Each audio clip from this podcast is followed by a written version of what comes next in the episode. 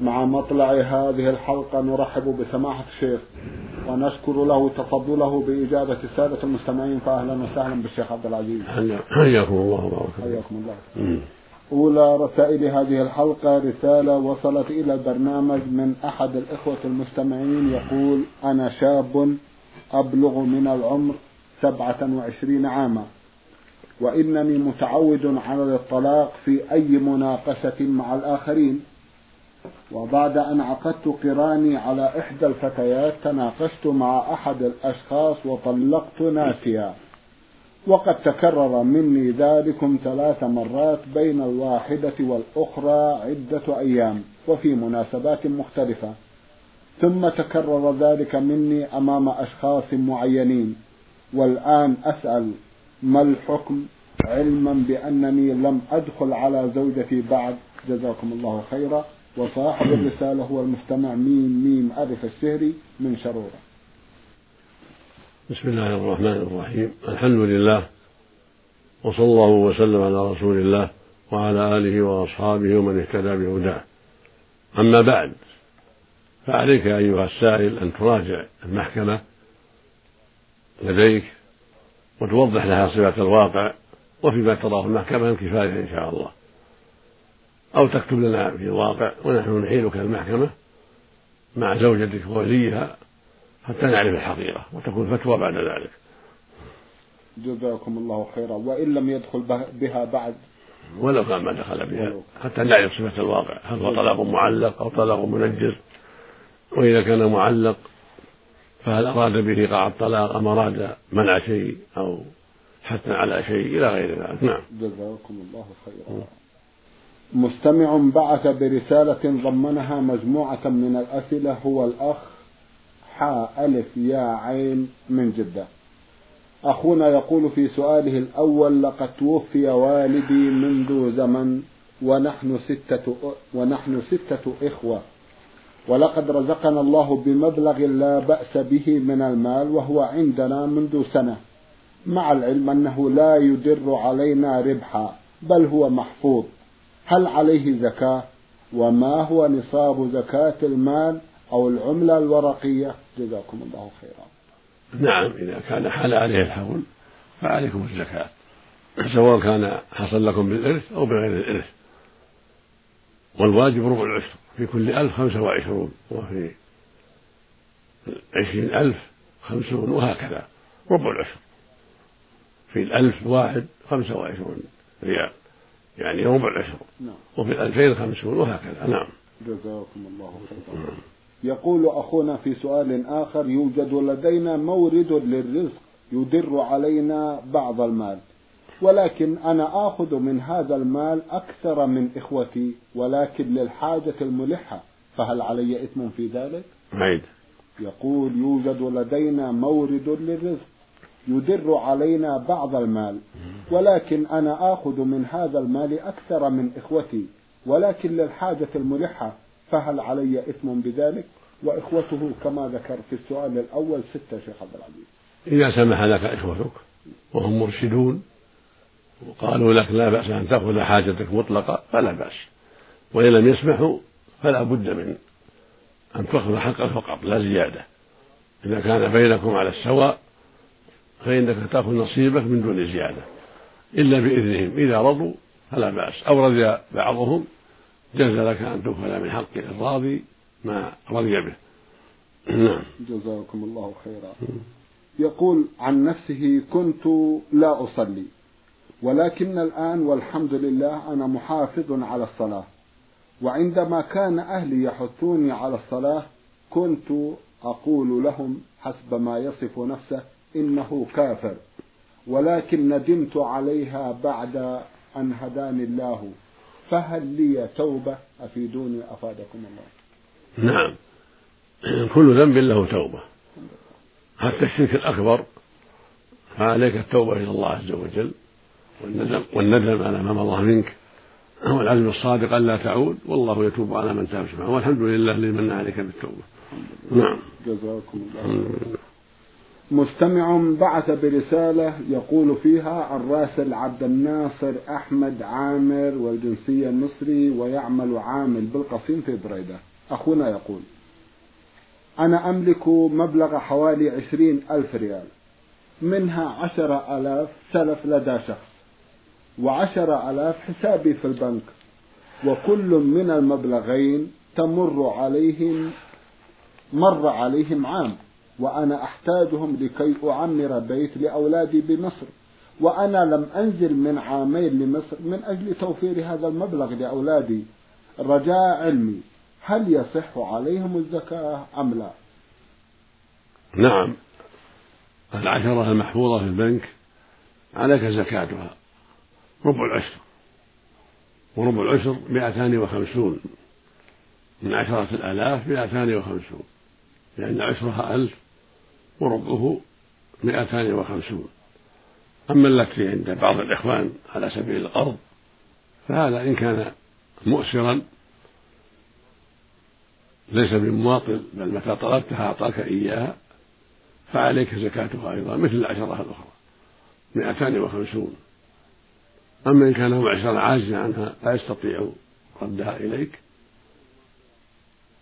أو ماطرا لا لا لا يبادر بتسليمها لك بل يماطلك ويؤذيك ولا يعطيك إياها فإنك لا تلزمك زكاتها حتى تقبضها. فإذا قبضتها فاستقبل بها حولا جديدا. وإن زكيتها عن عام واحد عن العام فلا بأس لكن لا يجب عليك. فإذا زكيتها واحتطت فلا بأس. المقصود لا زكاة عليك إذا كان معسرا أو مماطلا. أما إن كان مؤسرا متى طلبتها أعطاك فإن عليك زكاتها كالعشرة التي في البنك نعم. جزاكم الله خيرا. يسأل أخونا ويقول وهل يصح أن أرسل الزكاة إلى إخوتي في مصر لأنهم في الحاجة؟ لا حرج لا بأس نعم. ترسلها إلى إخوتك المحاويج لا بأس نعم. جزاكم الله خيرا. رسالة وصلت إلى البرنامج من أحد الإخوة المستمعين ضمنها بعضا من الأسئلة والمستمع هو العبد الله أبو عبد الرحمن الطاهر بن عثمان بن علي.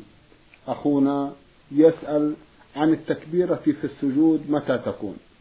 هل عندما يكون قد سجد في الأرض أم عندما يكون هاويا إلى السجود؟ التكبير في السجود عند الهوي يكبر حال هويه إلى الأرض. يقول الله أكبر حين يشرع في الهوي ويقطعها قبل أن يصل الأرض. وعند الرفع كذلك إذا رفع يكبر حين رفعه وينتهي قبل استتمامه قائما. وهكذا في إذا كان جالسا إذا رفع من السجدة الأولى كبر حين رفع من السجدة الأولى قبل أن يستتم جالسا. هكذا المشروع. يكبر حين الرفع. وحين النزول للسجود. نعم. جزاكم الله خيرا. في أثناء الصلاة وأنا أريد السجود هل أنزل باليدين أم أنزل بالركبتين؟ الأفضل نزولك بالركبتين. هذا هو الأفضل. كان النبي صلى الله عليه وسلم إذا سجد سجد ركبتيه. ثم يديه ثم جبهته وأنفه. إلا إذا كان هناك عجز كمرض أو كبر سن فلا بأس أن تسجد على يديك أولا وتنهض عليهما للعجز والضعف. وذهب بعض أهل العلم إلى أنه يسجد على يديه مطلقا ولكنه قول مرجوح. والصواب أن الأحاديث كلها في المعنى تدل على أنه يسجد على ركبته أولا ثم يديه ثم جبهته وأنفه. هذا عند السجود. وعند الرفع يرفع يديه أولا يرفع رأسه أولا ثم يديه ثم ركبتيه.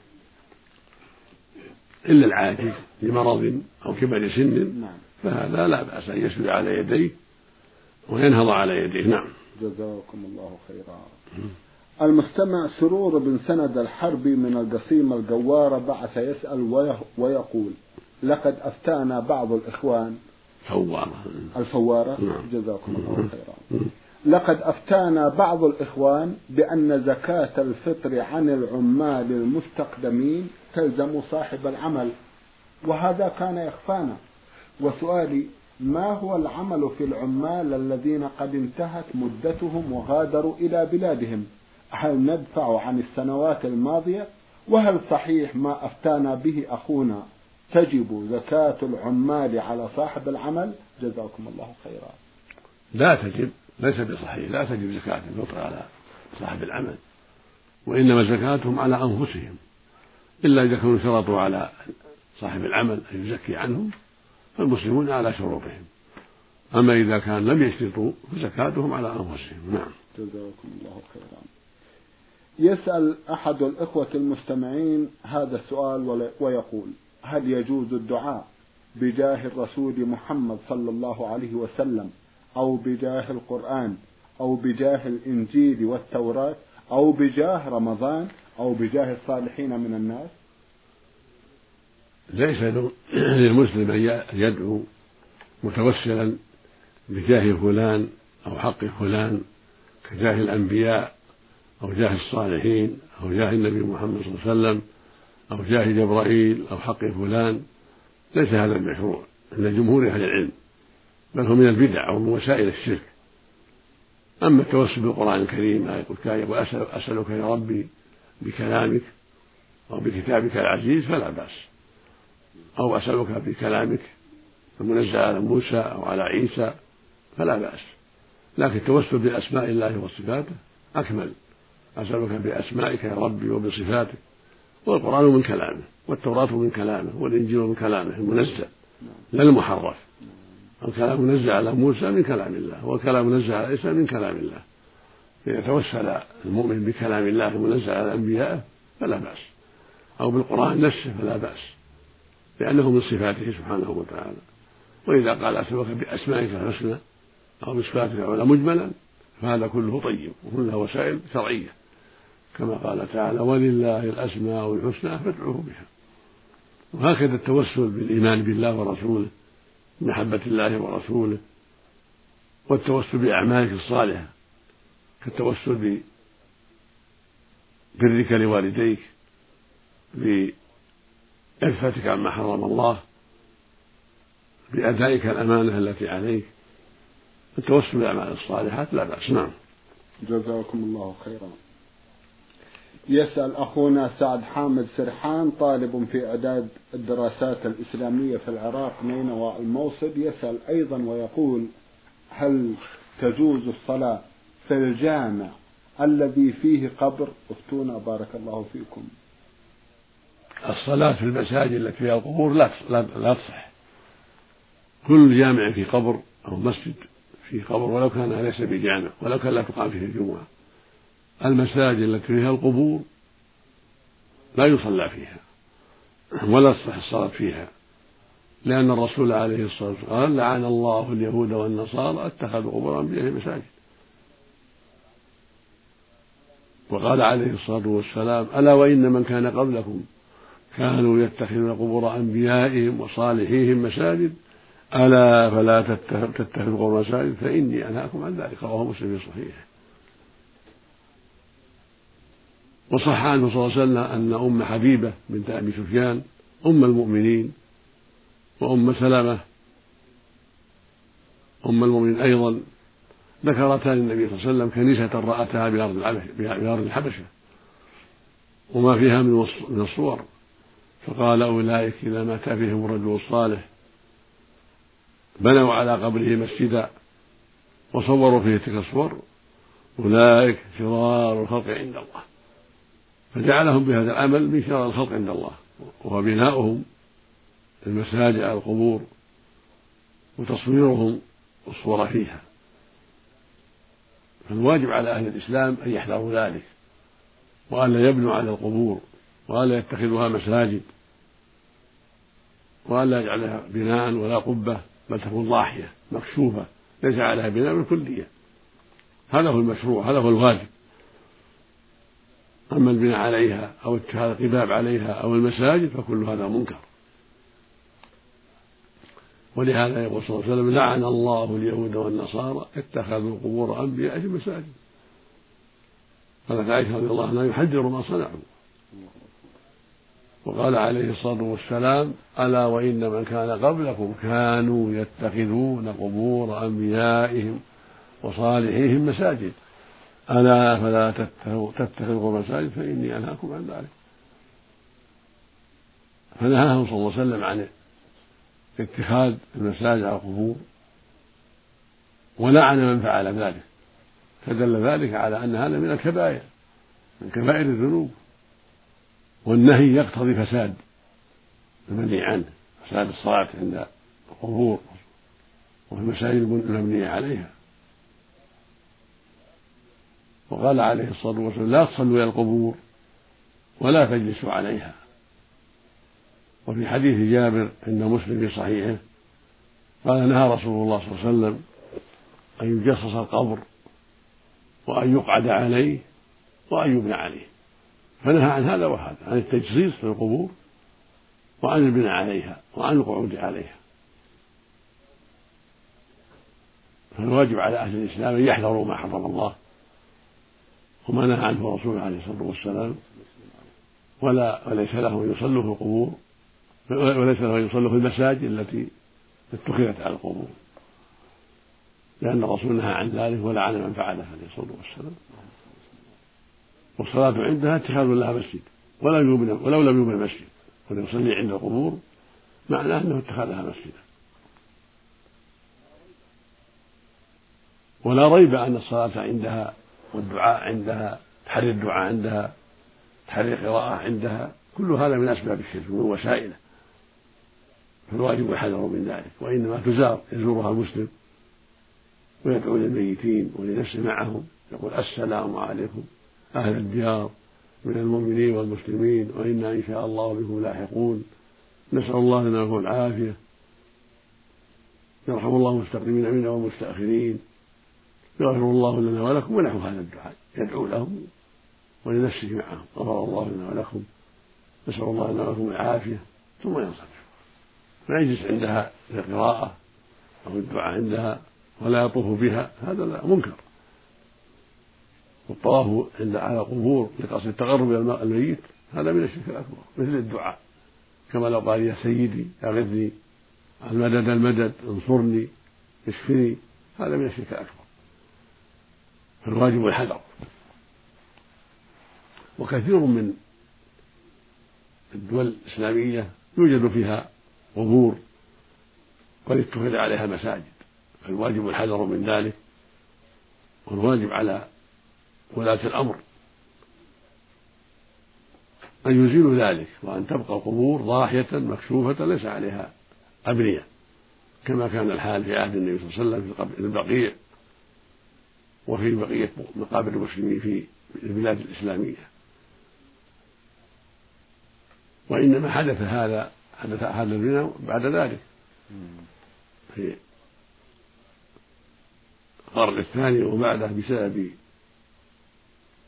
الرافضة والغلاة الذين غلوا وتشبهوا بالرافضة في ذلك حتى وقع ما وقع من اتخاذ القبور المساجد على القبور واتخاذ القباب. وحتى وقع الشرك بالموتى وسؤالهم والاستغاثة بهم والنذر لهم. بسبب هذا الظلم نسأل الله للجميع العافية والسلامة والهداية. وقد يحتج بعض الناس على هذا العمل المنكر بوجود قبر النبي صلى الله عليه وسلم في مسجده بالمدينة. والجواب عن هذا أن القبر ليس في المسجد وإنما هو في بيت عائشة. الصحابة دفنوا صلى الله عليه وسلم في بيت عائشة ثم دفنوا معه الصديق وعمر في بيت عائشة ولم يدفن في المسجد عليه الصلاة والسلام. ولكن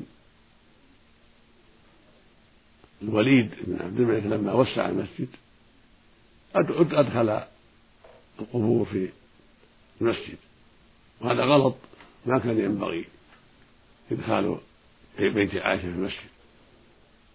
فظن بعض الناس أن هذا دليل على جواز اتخاذ القبور في المساجد أو البناء على القبور وهذا غلط. لا يجوز البناء على القبور ولا اتخاذها مساجد ولا الدفن في المساجد لأن الرسول صلى الله عليه وسلم لعن اليهود والنصارى على اتخاذهم المساجد على القبور ونهى عن الصلاة إلى القبور. فالواجب الحذر مما نهى عنه عليه الصلاة والسلام وألا يغتر أحد بوجود قبره صلى الله عليه وسلم وقبر صاحبه في المسجد النبوي لأن هذا شيء محدث أحدثه بعض الأمراء كما تقدم لم يوسع المسجد. وأما الصحابة فلم يفعلوا ذلك إنما دفنوه في بيت عائشة. ولكن ادخل البيت بالتوسعة فدخلت القبور من أجل ذلك. فهي في البيت وليست في المسجد. وهي محاطة بفاصل وحاجز عن المسجد. نعم. جزاكم الله خيرا. يسأل أخونا من العراق أيضا ويقول ما هي الأدلة الواردة من الكتاب والسنة في تحريم الصورة أو الرسم؟ الصور ممنوعة لعن الرسول صلى الله عليه وسلم المصورين. وقال إنه أشد الناس عذابا يوم القيامة. والمراد بالصورة صورة الحيوان من بني آدم أو غيرهم. كل يروح لا يجوز تصويره إلا للضرورة التي لا حيلة فيها مثل تصوير المجرمين الذين يؤذون الناس ويضرونهم حتى يمسكوا حتى يطلبوا ويمسكوا.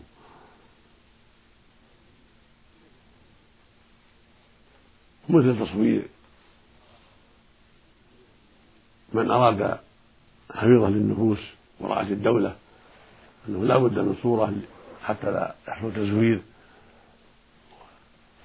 هذا من باب الضرورة والإنسان كالمكره في مثل هذا إذا احتاج للتابعية هو كالمكره. فلا يعتبر ذلك حجة على جواز التصوير. هذه أمور تدعو لها الضرورة.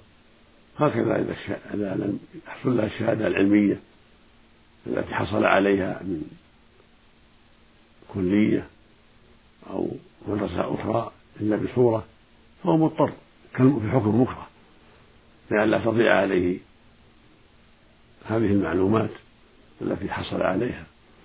فالحصر المقصود أن التصوير منكر وممنوع إلا إذا دعت إليه الضرورة فالإنسان يعتبر حينئذ في حال الضرورة كالمكره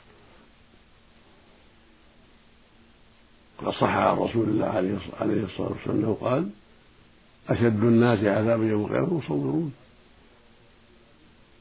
وقال من صور صورة في الدنيا كل فينفخ فيها الروح وليس بنافخ كل ينفخ فيها الروح يوم القيامة وليس بنافخ وقال أيضا عليه الصلاة والسلام إن أصحاب هذه الصور يعذبون يوم القيامة ويقال له أحيوا ما خلقتم. ولا فرق بين الصورة المجسمة المصنوعة بالآلة أو باليد وبين الصورة المرسومة بالكاميرا. كلها داخلة في الحديث وكلها ممنوعة إلا للضرورة التي تقدمت الإشارة إليها. نعم جزاكم الله خيرا. المستمع عين سين من الرياض بعث يقول أنا شاب في الخامسة والعشرين من عمري وأنا مستقيم ومؤد لواجباتي الدينية والحمد لله. إلا أنني أشعر بأنني أميل للرياء والسمعة في أعمالي كالصلاة وغيرها من الأعمال. وهذا والله رغما عني وأنا ألح على الله بالدعاء أن يخلصني من هذا البلاء. ولكن دون جدوى. سؤالي هل اعتبر مشركا بالله؟ وهل يعتبر كمن يرائي بأعماله عامدا متعمدا؟ أم أن الله سبحانه وتعالى لا يؤاخذني حيث أن ذلك بغير إرادتي؟ أرجو الإجابة على سؤالي هذا وأن تدلوني على ما يخلصني من هذه البلوى. وجزاكم الله خيرا. لا شك أن الرياء منكر وشرك ومن أعمال المنافقين. فالواجب عليك الحذر منه وجهاد نفسك حتى تتخلص منه مع سؤال الله سبحانه وتعالى والضراعة إليه أن يعافيك من ذلك ولا تيأس. بل استمر في الدعاء والضراعة إلى الله في أن يوفقك وأن يهديك حتى تدعه. وجاهد نفسك واصبر وصابر في ذلك. حتى يعافيك الله من ذلك. ومن أهل النفاق. كما قال تعالى إن المنافقين يخادعون الله وهو خادعهم. وإذا قاموا إلى الصلاة قاموا كسالى. يراءون الناس ولا يعرفون الله إلا قليلا. ويقول النبي صلى الله عليه وسلم يقول الله عز وجل أنا أغنى الشركاء عن الشرك من عمل من عمل عملا أشرك معي فيه غيري تركته وشركه. ويقول أيضا عليه الصلاة والسلام ألا أخبركم بما هو أخوف أخوف أخوف, أخوف عليكم عندي من المسيح الدجال؟ قلنا بلى يا رسول الله. قال الشرك الخفي يقوم الرجل فيصلي فيزين صلاته لما يرى من نظر الرجل إليه. فأنت جاهد نفسك وأبشر بالخير ومن جاهد أعانه الله. يقول سبحانه والذين جاهدوا فينا لنهدنهم سبلنا. وإن الله لمع المحسنين. فإذا جاهدت نفسك في هذا السبيل فأبشر بالخير. والله سوف يعينك ويهديك السبيل القويم. ولا تيأس. ولا تقاط. اصبر وصابر واسأل ربك العون.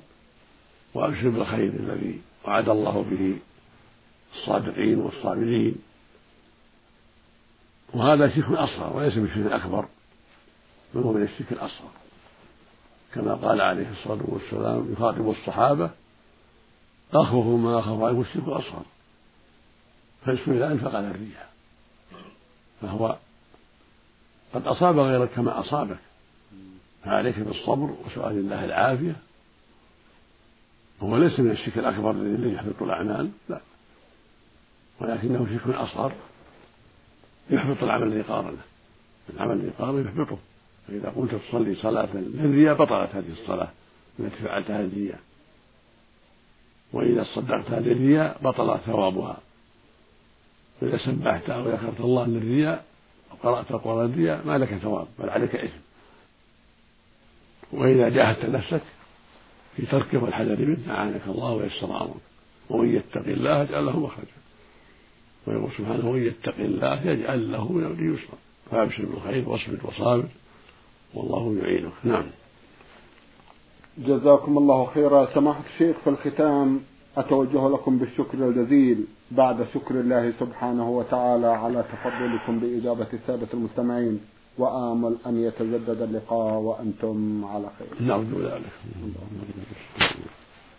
مستمعي الكرام كان لقاؤنا في هذه الحلقة مع سماحة الشيخ عبد العزيز ابن عبد الله بن باز الرئيس العام لإدارات البحوث العلمية والإفتاء. والدعوة والإرشاد. شكرا لمتابعتكم وإلى الملتقى. وسلام الله عليكم ورحمته وبركاته.